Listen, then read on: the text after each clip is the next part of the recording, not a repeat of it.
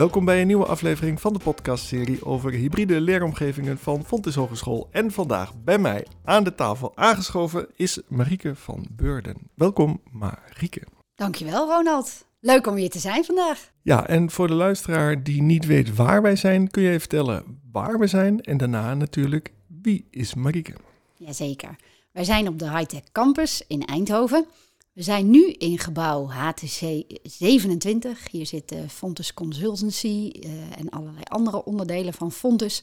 Waaronder dus de hybride leeromgeving Digital Transformation. Maar op de Hightech Campus zit ook de Workplace Vitality Hub. En daar ben ik ook manager van. Dus in dat kader uh, kan ik iets meer vertellen over wat de Workplace Vitality Hub is en hoe we samenwerken met de studenten uit de hybride leeromgeving. En voor de luisteraar die jou niet kent? Marieke van Beurden. Ik werk voor de TU Eindhoven als uh, Program Director Human Vitality and Technology. Dat is een hele mond vol. Het is een onderzoeksprogramma waarbij er meerdere uh, faculteiten, onderzoeksgroepen met elkaar samenwerken. Mensen van Industrial Design, mensen van Human Technology Interaction, mensen van uh, AI en data en van bouwkunde. En eigenlijk kijken die met elkaar naar hoe kun je nou de mens vitaler maken in allerlei aspecten van het leven. Uh, in de buitenruimte, in uh, hun eigen huis, op scholen, maar ook in de werkomgeving. En mijn rol is om um, de TU te laten samenwerken met allerlei verschillende kennispartijen, maar ook met bedrijven. En de afgelopen jaren hebben we gewerkt aan het opzetten van een programma over hoe je dan vitaliteit in de werkomgeving kan verbeteren. Met behulp van technologie uiteraard. En uh, zodoende ben ik uh, sinds de afgelopen twee jaar uh, manager van de Workplace Vitality Hub. En die zit hier ook op de Hightech Campus. Wauw, je hebt het over AI, data, bouwkunde. Kun je nog eens noemen Human Vitality en? Ja, Human Vitality en Technology. Ja. Dus dat gaat erover hoe kun je nou technologie inzetten om mensen, voor ons dan in de werkomgeving, vitaler te maken. En dat zijn allerlei manieren waarop je dat kunt doen. Voor ons begint het heel vaak met het in kaart brengen van hoe gedragen mensen zich eigenlijk. Zitten ze veel? Zijn ze veel op dezelfde plek? Kunnen we bijvoorbeeld ook met sensoren eh, monitoren of mensen gestrest zijn? Um, dus het begint voor ons altijd met het in kaart brengen van het gedrag van mensen. Vervolgens wil je eigenlijk dat in gedrag inzichtelijk maken voor die gebruiker zelf of die mens zelf, zodat hij zich bewust, bewust is van, hé, hey, ik zit eigenlijk al heel de dag. Zou het niet een goed moment zijn om eventjes te gaan staan? Dus om mijn bureau van zit naar staanhouding te doen. Of dat ik uh, denk, hé, hey, die vergadering, die ga ik niet zitten doen in een overlegruimte, maar die ga ik even wandelend doen. Nou, en daar zijn er ook hier op de Hightech Campus allerlei mogelijkheden voor. Dus we hebben workwalks. En daar kun je je verga vergadering dus uh, wandelend uh, houden. Ja, en um, nu zijn we in gebouw 27 op de Hightech Campus. We zitten hier op de eerste etage. En voor de mensen die het gebouw kennen, we kijken dus uit op um, ja, de, de kas die eigenlijk beneden staat. Maar um, is dat de ruimte, de enige ruimte die Fontes hier huurt samen met de TU Eindhoven? Of zijn er meer plekken? Nou, die Workplace Vitality Hub die zit dus in HTC 85. Is precies aan de andere kant van het water. Uh, als mensen de Hightech Campus een beetje kennen, er is een mooie vijver. Als je de brug overgaat, kom je bij HTC 85. En daar hebben we op de tweede verdieping een, ver, een, een, verdieping die helemaal ingericht is als Living Lab. En uh, in dat Living Lab, ja, die ziet er eigenlijk gewoon uit als een normale kantooromgeving. Maar daar hebben dus Fontes, uh, um, de TU, maar ook IMEC en TNO als uh, twee andere kennisinstellingen waarmee we veel samenwerken, hebben daar al hun technologie naartoe gebracht en zijn daar testen en onderzoeken aan het doen om te kijken of die technologie dan ook bijdraagt aan de vitaliteit van de kantoormedewerkers die in die omgeving zijn. Oké, okay, dus de, de Vitality Hub is gevestigd in HTC 580. Wat is de relatie met HTC 27 waar we nu zitten? Nou, um, wij werken als Workplace Vitality Hub samen met de, de studenten en met de hybride leeromgeving Digital Transformation. Uh, wat, wat het leuke is, is dat we niet alleen als kennisinstellingen um, allerlei technologie naar die Workplace Vitality Hub toe brengen. Maar dat doen bedrijven ook. Dus bedrijven die een bepaalde oplossing hebben ontwikkeld om uh, mensen meer te laten staan, of uh, die sensoren hebben ontwikkeld waarmee je de luchtkwaliteit in kaart kan brengen, of bedrijven die iets doen met licht. En die bedrijven die zijn partner van de Workplace Vitality Hub en die brengen ook hun vragen in. Dus die brengen vragen in van, goh, wij willen eigenlijk weten wat is nu het effect van onze oplossing in die werkomgeving. En uh, we, we, brengen die vraag uh, in weer bij uh, de Digital Transformation Hub, dus de, de digitale of de hybride leeromgeving van Fontes. En op die manier gaan studenten met verschillende studieachtergronden met zo'n vraag van een bedrijf aan de slag. Wat is nu de link tussen de studenten die hier in HTC 27 zitten van de hybride leeromgeving Digital Transformation en de Workplace Vitality Hub, die in HTC 85 zit? Nou, dat is dat de studenten mooie opdrachten uitvoeren uh, voor de partners, voor de bedrijven van de Workplace Vitality Hub. Ja, nou, dat is mij nu heel erg duidelijk. Er zijn dus verschillende bedrijven ook betrokken en die hebben ook opdrachten voor die studenten. In hoeverre zijn die bedrijven betrokken bij de beoogde leeruitkomsten van de studenten? Ja, ik denk heel betrokken. Um, vaak hebben zij een inhoudelijke vraag. Dus zij willen weten van, uh, draagt mijn oplossing nou echt bij aan um, de vitaliteit van die mensen? Um, maar tegelijkertijd zijn die bedrijven ook heel erg betrokken bij, hey, uh, die student moet iets leren. Die student wil ook ervaren hoe het werkt in een bedrijf. dus meestal zien we dat er heel actieve samenwerkingen zijn en dat de student um, op die manier ook iets kan brengen aan zo'n bedrijf buiten de inhoud van zijn onderzoek. Maar door scherpe vragen te stellen, door nieuwsgierig te zijn, Um, en je ziet dat uh, bedrijven dat heel erg leuk vinden. Die, die zijn daardoor geïnspireerd. Um, en ze zijn vaak ook op zoek natuurlijk naar toekomstige medewerkers. Dus op die manier kunnen ze ook in contact komen met nou, mensen waarvan ze zeggen: hey, uh, zou je het na jouw eh, studie niet leuk vinden om bij mij te komen werken? Ja, dat begrijp ik. En je zegt, ze, de bedrijven zijn betrokken omdat ze onder andere helpen bij het ontwikkelen van de vraag waarmee de student aan de slag gaat. Dat ze zelf ook proactief vragen stellen, maar helpen ze ook bij het samenstellen van eventuele lesmaterialen? Bedrijven die bieden uiteraard veel inhoud. Hè, door, hè, dus ik denk dat veel van de opdrachten die studenten doen toch beginnen bij een soort van exploratie. Wat is er aan nu allemaal?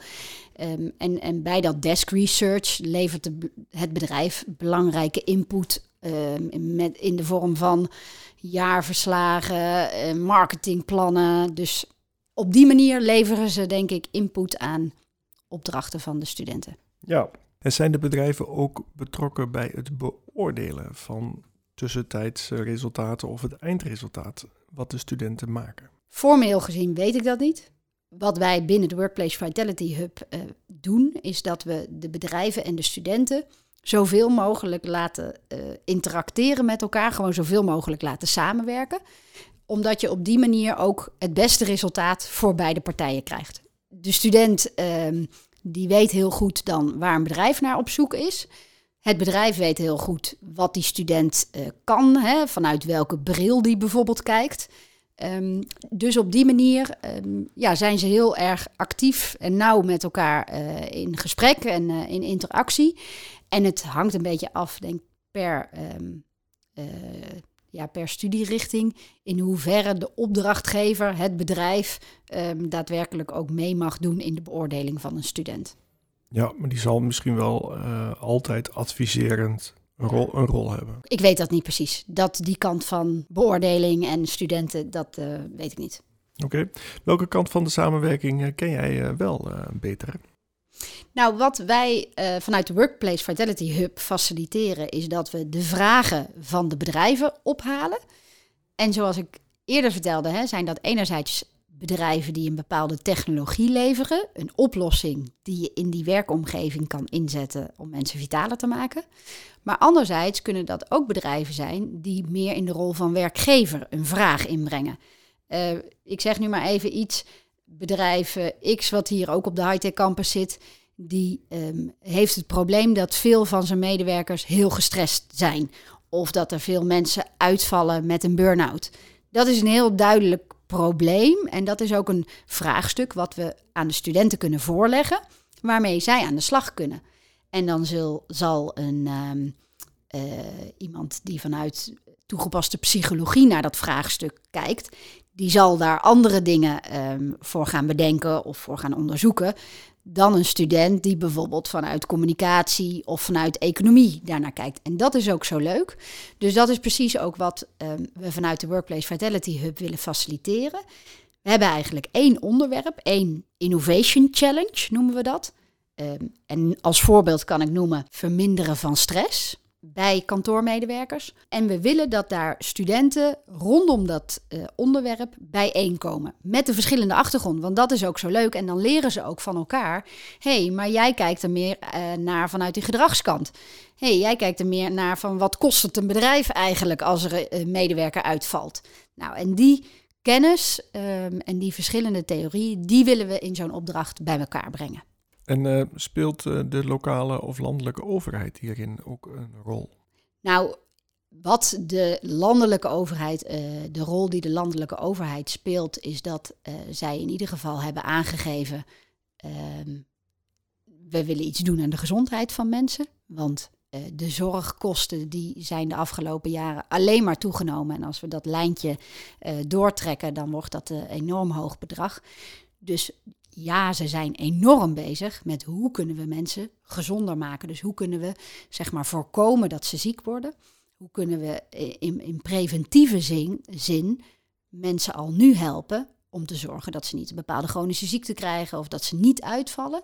Dus in die zin uh, is dat denk ik iets wat super actueel is en waar veel overheden mee bezig zijn, maar ook veel bedrijven mee bezig zijn, omdat ze niet willen dat hun mensen uitvallen, om welke reden dan ook. En heb jij zelf een achtergrond uh, medisch of meer personeelszaken of uh, toch de economische kant? Wat is jouw achtergrond? Nou, leuk dat je dat vraagt, Ronald. Nou, mijn achtergrond is bestuurs- en organisatiewetenschap. Dus um, ik weet een beetje van alles en een beetje van niks. Um, maar wat ik veel in mijn werk toepas, waar ik ook mijn achtergrond in heb, is dat ik goed weet hoe je verschillende organisaties met elkaar kunt laten samenwerken of verschillende mensen met elkaar kunt laten samenwerken. En dat vinden we ook echt uh, de lol erin. En um, denk ik dat we dat ook nodig hebben om ja, te bereiken wat we zouden moeten bereiken in het hele vitaliteitsvraagstuk. Hoe kunnen we nou zorgen dat we al die verschillende disciplines bijeenbrengen uh, en samen een goede oplossing bedenken. Dus hoe kunnen we zorgen dat de uh, gedragswetenschappers iets leren van de uh, mensen die iets weten van data, met de mensen die iets weten van hey, hoe vertaal je dat naar een economisch model? Nou, en dat we die verschillende visies en ook de verschillende belangen die daarachter zitten, dat we die bijeenbrengen om te kijken hoe maken we nu Nederland vitaler.